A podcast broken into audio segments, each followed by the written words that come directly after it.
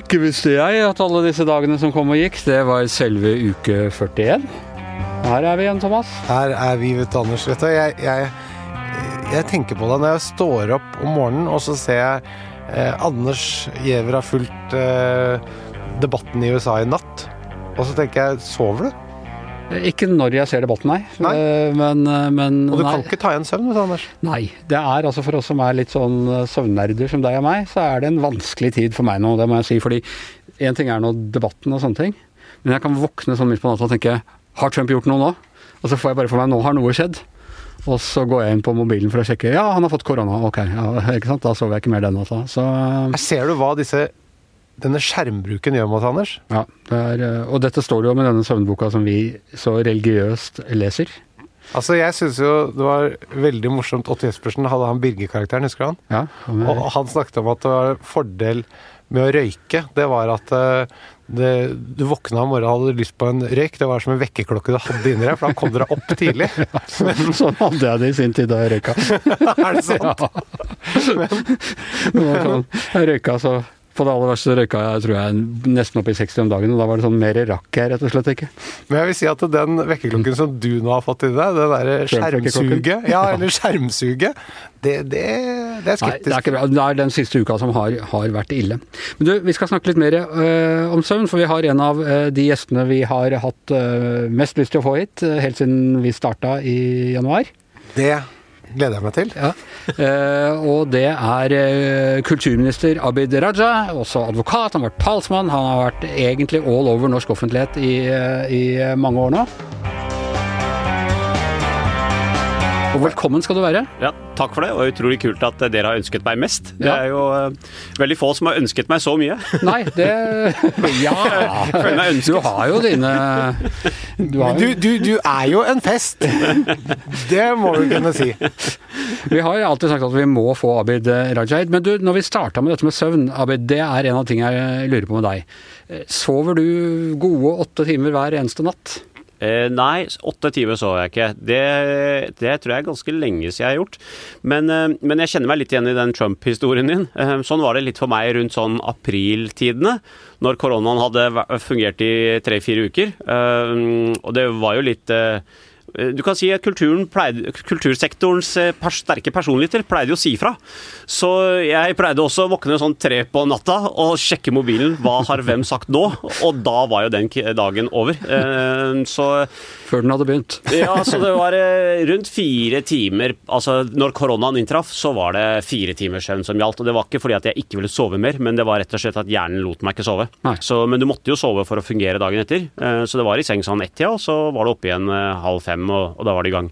Det som er problemet, vet du, hvis du sover for lite, du får dårlig korttidsminne. Og det, da glemmer du plutselig ting du har sagt osv., og da er du ute og sklir, vet du. Som politiker er du i hvert fall kjørt. Helt! Sa jeg det i går? Nå, det kan ikke jeg huske.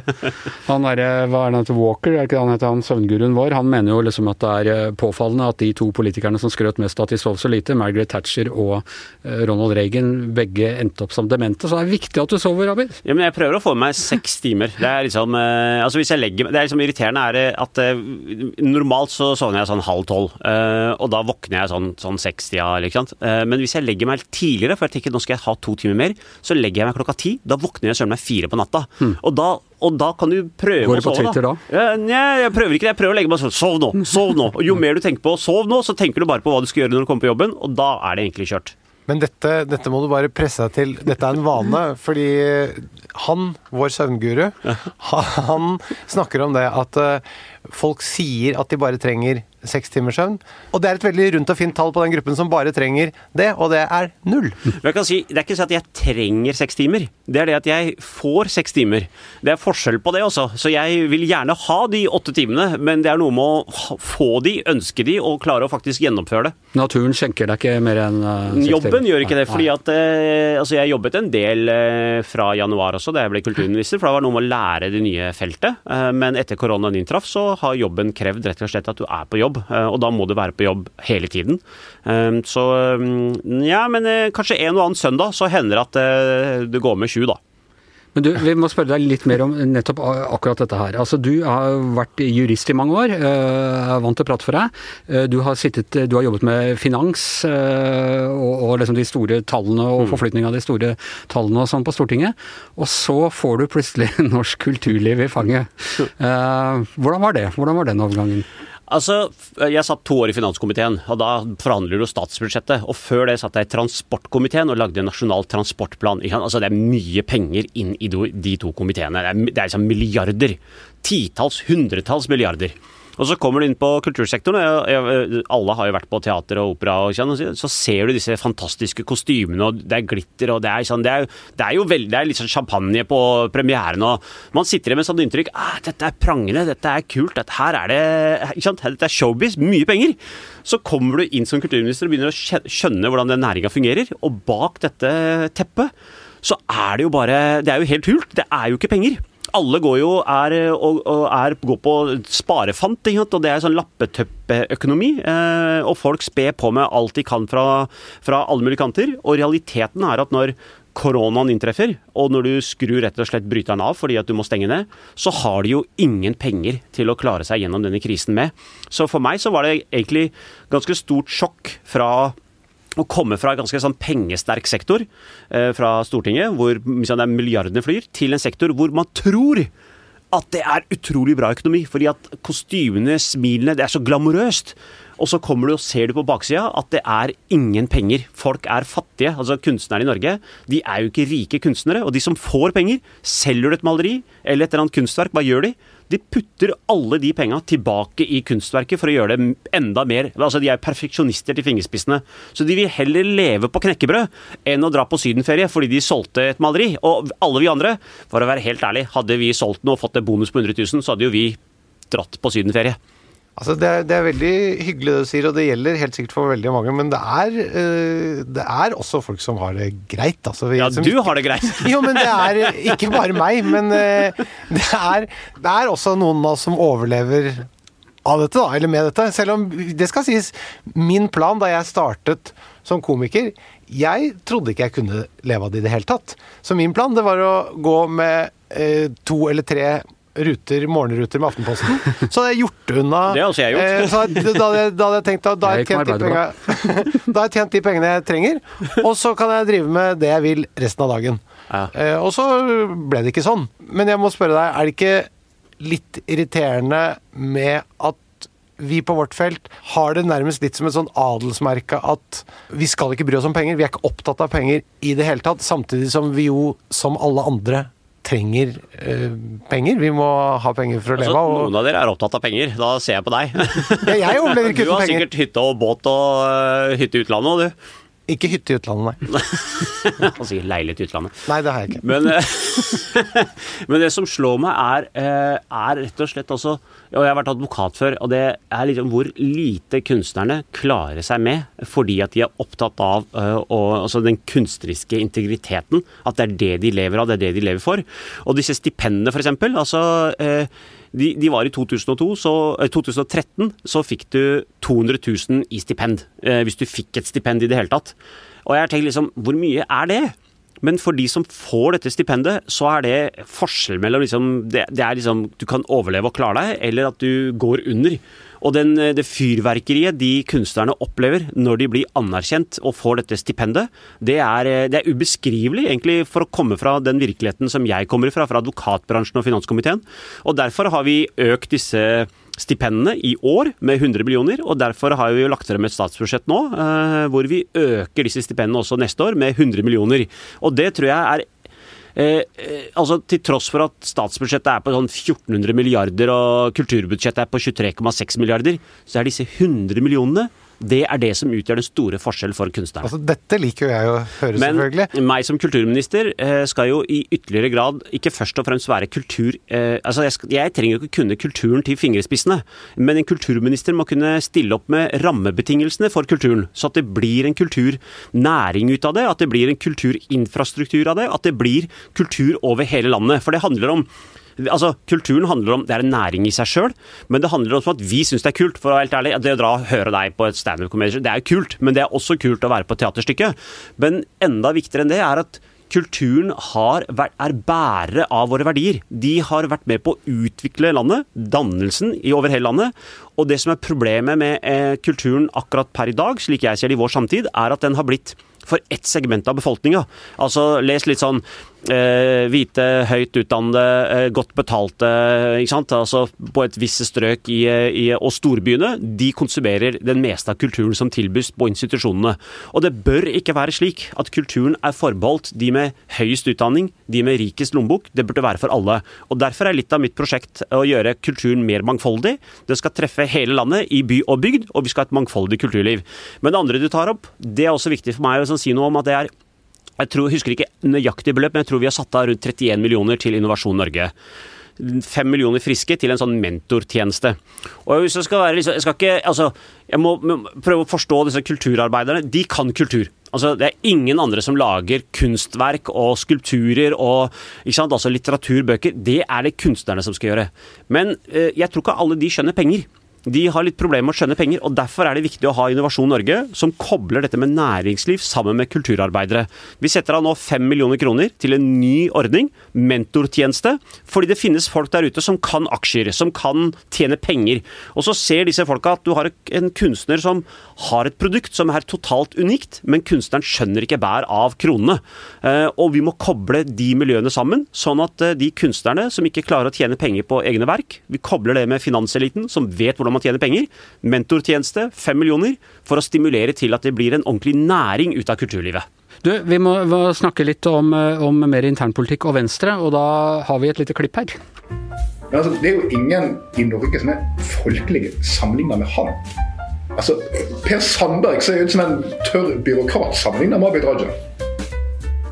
Ja, altså Men du må skjønne, det er ikke så lett for meg heller. skjønner du. Det er sånn hele tida det kravet om at jeg skal være folkelig. Hvordan tror du det er å være på sånn eh, pressekonferanse med han derre Bent Høie som står der med mørke dressen sin og sier Nå er det veldig viktig at man holder én meter avstand.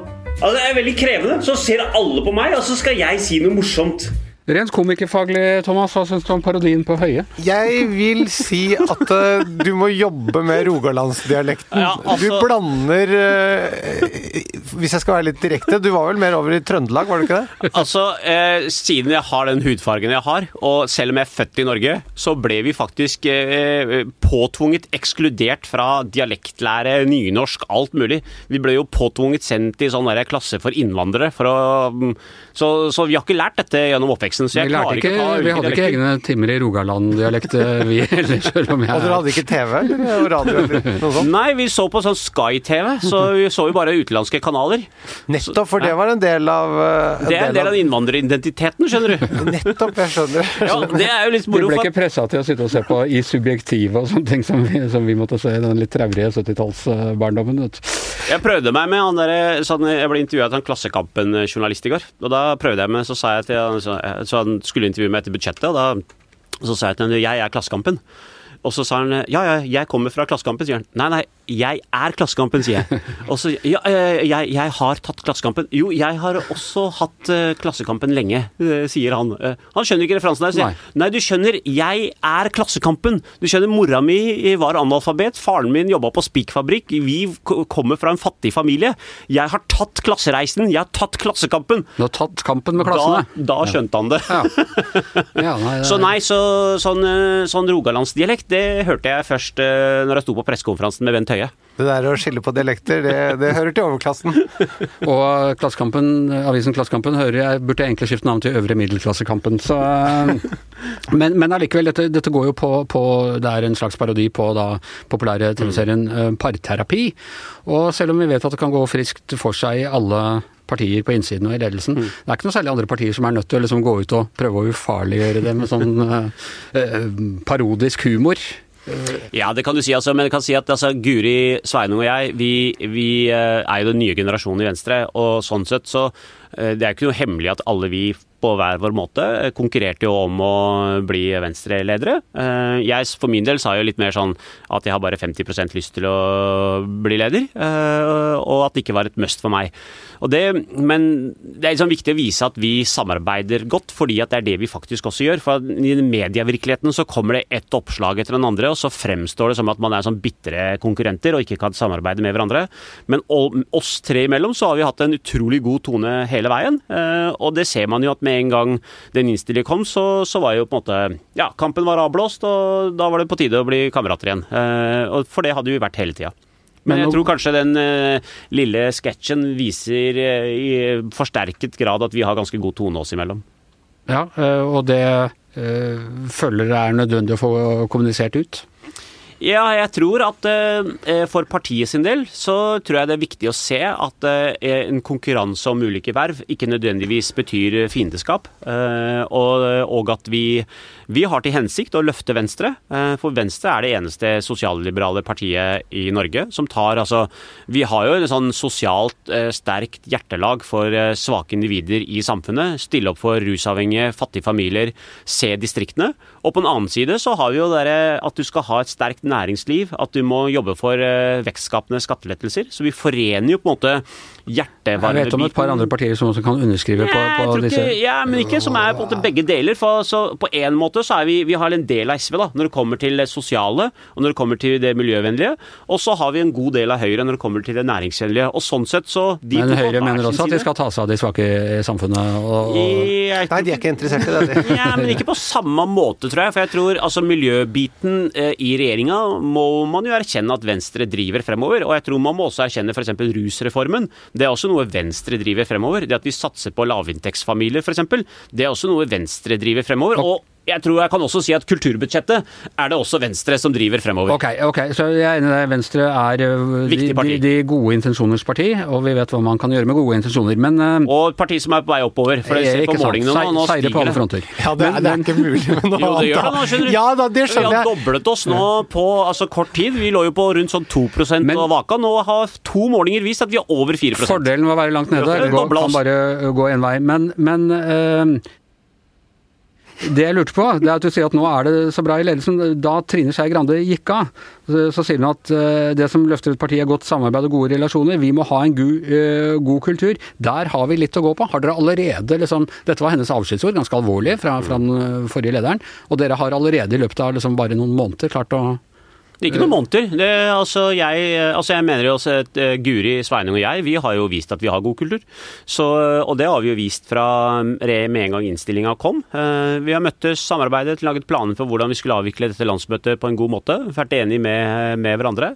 Og så har vi jo faste møter. så jeg mener at vi har Altså, for det blir sånn bilde i media tegnes at her er det sånn sterke personkonflikter, men i realiteten så sitter vi jo og tekster hverandre og ler av på en en del av de oppslagene forslagene som kommer, som fremstår som at her kan ikke vi samarbeide, her er det ikke kompiser. Men fakta er at Guri Sveinung og jeg Det har vært litt konflikter innad i ledelsen i Venstre, Abid Raja. Ja, det må du Jo, altså Trine og, og, jeg hadde en del ting. Det hadde vi. Men uh, nå er det jo Guri Sveinung og jeg som er i ledelsen. Og dere har ikke noe Vi har ikke dette. Nei. Men er, er, det da Det er en ny, fresh, ny generasjon. Er det Trine Skei Grande selv som står for den ukulturen som hun snakker om, da, eller? Nei, altså jeg skylder på ingen andre, så alle må ta del av Det er et sånn kjent ord på indisk at eh, den, man kan ikke klappe med én hånd, så det må flere til. Eller i hvert fall to til for å, for å kunne lage klappelyden. Det er en versjon av 'Det skal to til tango'?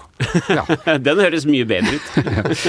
uh, ok, du, uh, du, var i sin tid før landsmøtet i Ålesund, så var du entusiastisk til å samarbeide med, med Fremskrittspartiet, og noe av det som bidro til en viss uenighet innad i partiet. Uh, hvordan ser du på det nå, etter samarbeidet med, med, Fremskrittspartiet og med Fremskrittspartiet i opposisjon? Er det noen vei tilbake til samarbeid uh, i regjering? De siste syv årene så har jo de fire borgerlige partiene samarbeidet eh, godt med hverandre. Eh, landet har klart seg gjennom faktisk ganske mange kriser. Eh, altså Vi har jo håndtert først oljeprisfallet og krisa som var da. Mange arbeidsplasser ble jo rammet av det. Og så har vi jo håndtert også, og driver og håndterer nå også koronakrisen.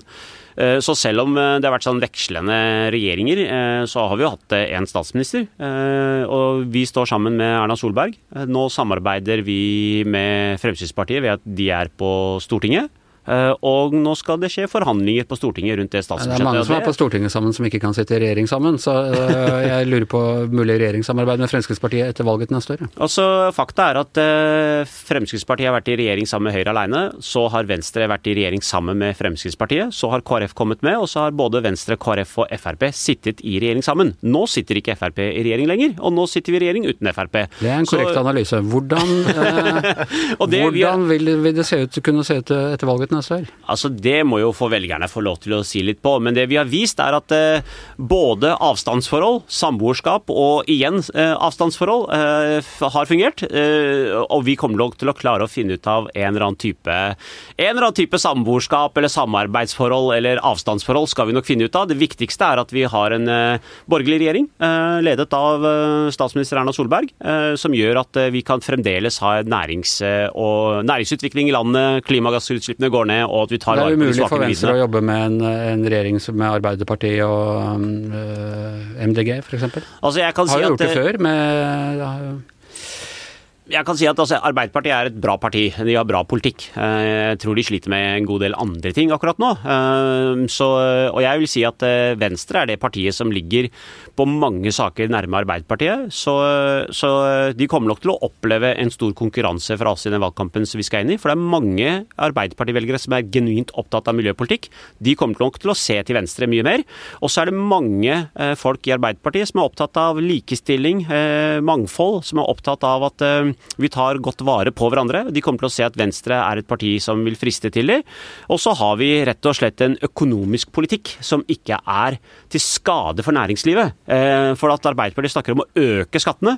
Og jeg tror mange Arbeiderparti-velgere er opptatt av at vi har et godt næringsliv. De tror jeg også kommer til å bli frista til å stemme på Venstre. Så eh, Arbeiderpartiet kommer nok til å oppleve Venstre som en stor konkurrent i det valget vi skal inn i. Hvordan tenker du Venstre i forhold til Arbeiderpartiet på den ene siden og Frp på den andre, da?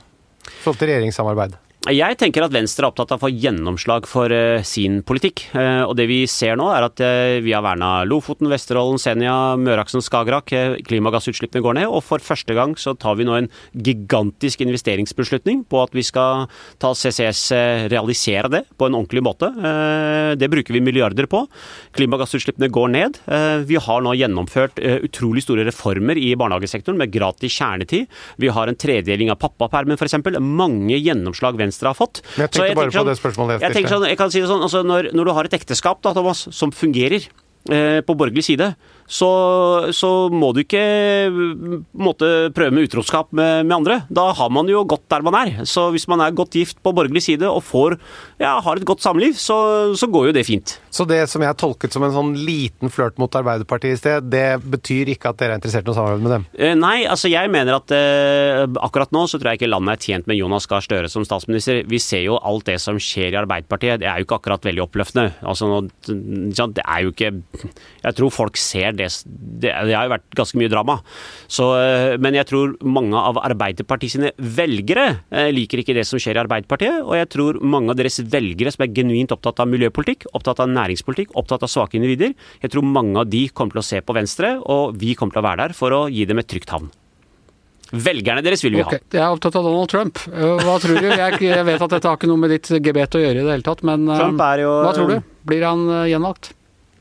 Jeg eh, var jo eh, blant de som faktisk også i første runde for noen år siden trodde at han kom til å vinne valget. Eh, Og det Og jeg er Sier du nå, ja? Jeg er også blant de nå som altså, Det er forskjell på ønske eh, og tror. Ja, Men hva tror du, da? Jeg tror han kommer til å vinne denne gangen også. Så, eh, for det er, altså, det er eh, Altså, jeg elsker USA. Jeg vil ikke si noe negativt om USA sånn. Altså, det er et fantastisk land med både mat og kultur og turisme og ikke sant. Det er liksom det er vibrerende land. Men det er også eh, mye crazy. Eh, så det er liksom Det er en del ting som er eh, veldig annerledes fra Norge, og det er ganske mange ting som vi tror jeg ville hatt utfordringer med å forstå. Bare liksom hvordan kvinner skal oppføre seg i en politisk debatt for å Altså Her i Norge vi er vi er veldig godt vant. Du har Erna Solberg, du har Siv Jensen, Trine Skei Grande, Kristin Halvorsen du er, ikke det Kvinner dominerer. Gro Harlem Brundtland. Gro Harlem, du, har hatt, liksom, du har hatt kvinner i politikken, sterke kvinner i politikken i alle år.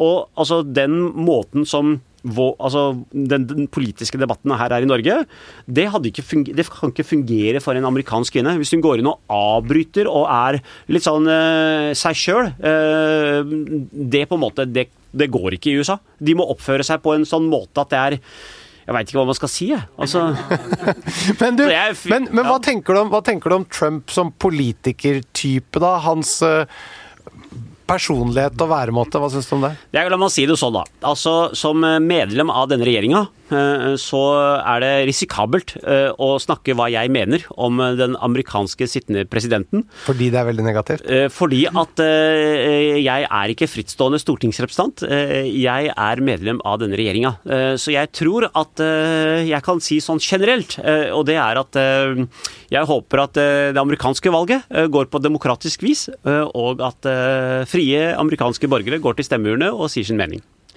Ok, eh, så helt til slutt. Vi pleier å spørre alle våre gjester her. Vi er opptatt av, som du skjønner, av eh, økonomi og arbeidende kapital og, og i det hele tatt. Og har du bidratt med litt arbeidende kapital inn i norsk næringsliv utover å kjøpe matvarer og tannpasta og sånn siste uka?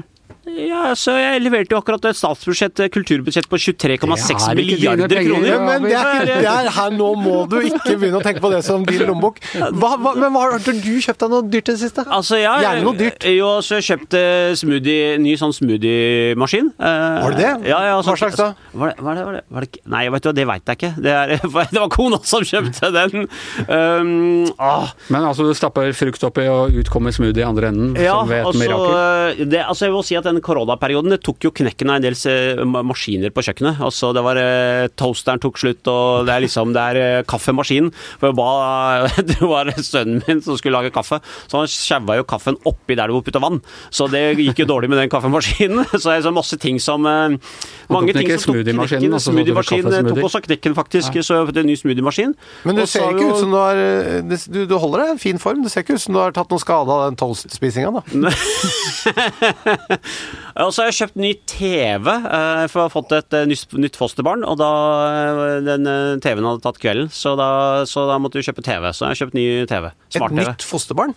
Ja, altså jeg har tre barn sjøl, og så har vi, er vi vært fosterfamilie nå i seks, sju, åtte, ni, ti år. Så nå er det fjerde fosterbarnet. Så, unnskyld meg, men bare Ja. Du har fire fosterbarn? Nei, jeg har eh, tre barn sjøl, og så har jeg ett fosterbarn nå. Ja, en om tre- gangen. En av gangen. Hvor lenge har de bodd, de forskjellige? I to-tre år av gangen. Så det er ungdommer, da. Så vi har en jente nå som er 16. Som kom for et par uker siden. Og som blir en del av familien? Og Ja, som, blir en del av familien og skal være der til forhåpentligvis skal være der eh, hvis det blir et eh, ålreit uh, for, for henne, så skal bedringa til hva det er um, opp i myndighetsalderen. Da. Så, så det er jo mangel på fosterfamilier. Så hvis noen har plass i sitt eget hjem og har uh, mulighet til det, så burde man ta kontakt med lokale barnevernet for å melde seg som fosterfamilier. For det trenger man flere av. Og hun har fått en ny TV. Hun har fått en ny, ny TV, så jeg ser jeg har bidratt til eh, vekstfremmende har, hun også, verdiskapning. har hun også fått toast, en ny toastjern? Hun har faktisk fått en eh, ny toaster. Det har hun fått eh, i rosa farge. Så eh, ja. Og smoothie. Legg litt mer fokus på smoothien, og litt mindre på toasten. Toasten i helgene, smoothie på hverdager. Er det grei plan? Ved siden av kulturbudsjettet, som jo ikke er dine penger, men som tross, alt er penger eh, i økonomien, så har du også kjøpt toaster og smoothiemaskin og ny TV. Det kaller jeg passert. Ja, ja, ja, ja. Eh, Thomas, bidrag til økonomien. Vet du hva, jeg har uh... Leilighet i utlandet. Nei, jeg har Han sa du har ikke hytte, sa du, men han har leilighet. Han, snu, han, snu, han snudde seg unna det spørsmålet og sa han har ikke hytte i utlandet. Jeg har ikke leilighet, jeg, jeg har ikke Hus, eiendom i utlandet. Og, Noen koselig sofaputer til hytta i utlandet. ok, hva har du? Men du, vet du hva, jeg har ikke kjøpt noe denne uken. Ingenting. Ingenting. Nei. Jeg er eh, rett og slett eh, en dårlig borger. Jeg har latt kapitalen hvile denne uken. Ja, eh, Hva, Anders, hva har du kjøpt, da? Eh, Ikke kjøpt noe, jeg heller. Jeg har begynt å se på en sånn øh, Fordi det har vært så dårlig vær siste uka, så har det vært litt trist å ta alle de skrittene jeg skal ha hver dag innimellom. Så nå har jeg sett på en sånn gåmaskin jeg kanskje skulle få meg i kjelleren, sånn at jeg kan øh, Du gå skal, inn og skritte du skal rett og slett ikke gå ute? Altså, når det var sånn ordentlig sånn når, det, når du skal ha så mange skritt som jeg har, så kan du ikke gå ute i tre timer liksom i regnværet. Hvor mange skritt skal du gå om dagen? da? Ja, 20-30 20 20-30 skritt? Ja. det er, jeg syns det høres krevende ut. Ja, det er det. det, er det. Jeg, jeg må bare si, i går var jeg ute og gikk, begynte å regne. Det så ut som jeg hadde pissa på meg da jeg Ja, kom hjem. Jeg var klissvåt. Ja. Og menn i min alder, vi kan ikke gå rundt og se ut som vi har pussa på oss, for da Fordi da tenker folk at vi har det. Ikke sant? Nei, jeg oppfordrer dere til å gå og kjøpe noe som er norskprodusert. For Ja. at uh, vi må bidra ikke bare til uh, handelsstanden, det må vi gjøre, men vi må også bidra til at uh, norske produsenter av norske merkevarer, at de også får et lite løft. Jeg liker at et miljøparti som Venstre nå oppmuntrer til økt forbruk. Det gjør, gir meg god samvittighet. Jeg skal ut og handle. Og med det så erklærer vi denne utgaven av, av Giæver og gjengen over. Jeg kommer gjerne tilbake. Det du gjerne. Veldig, det var veldig hyggelig å ha deg her. Det eh, blir Jeg må bare si for en energi du har. Og, Du, det er som dette til tross, og til tross for at du bare sover seks timer. Ja, det er som Obelix, vet du. Du vet, du vet ikke hvem Obelix er? Har du sett Asterix Obelix? Ja, ja. Asterix må jo ta denne drikken, vet du. Men, eh, men han Obelix han falt i gryta. Så jeg er som han, jeg falt i gryta. Det er, det er noe der. Det er helt fantastisk. Altså, det, det, det, altså, jeg tenker på en bensinmotor som har mindre forbruk, med så lite søvn. Altså, du, det, det er jo helt fantastisk, den output, outputen du har. Kanskje du ikke bør sove åtte timer om dag- eh, om dagen. Ok, tusen takk til kulturminister Abid Raja. Tusen takk til Thomas Giertsen. Jeg heter Anders Giæver. Og selve knappestøperen, hvis dere tar den uh, Ibsen-referansen i uh, vår podkast, heter Magne Antonsen og er produsent. Vi høres igjen over helgen.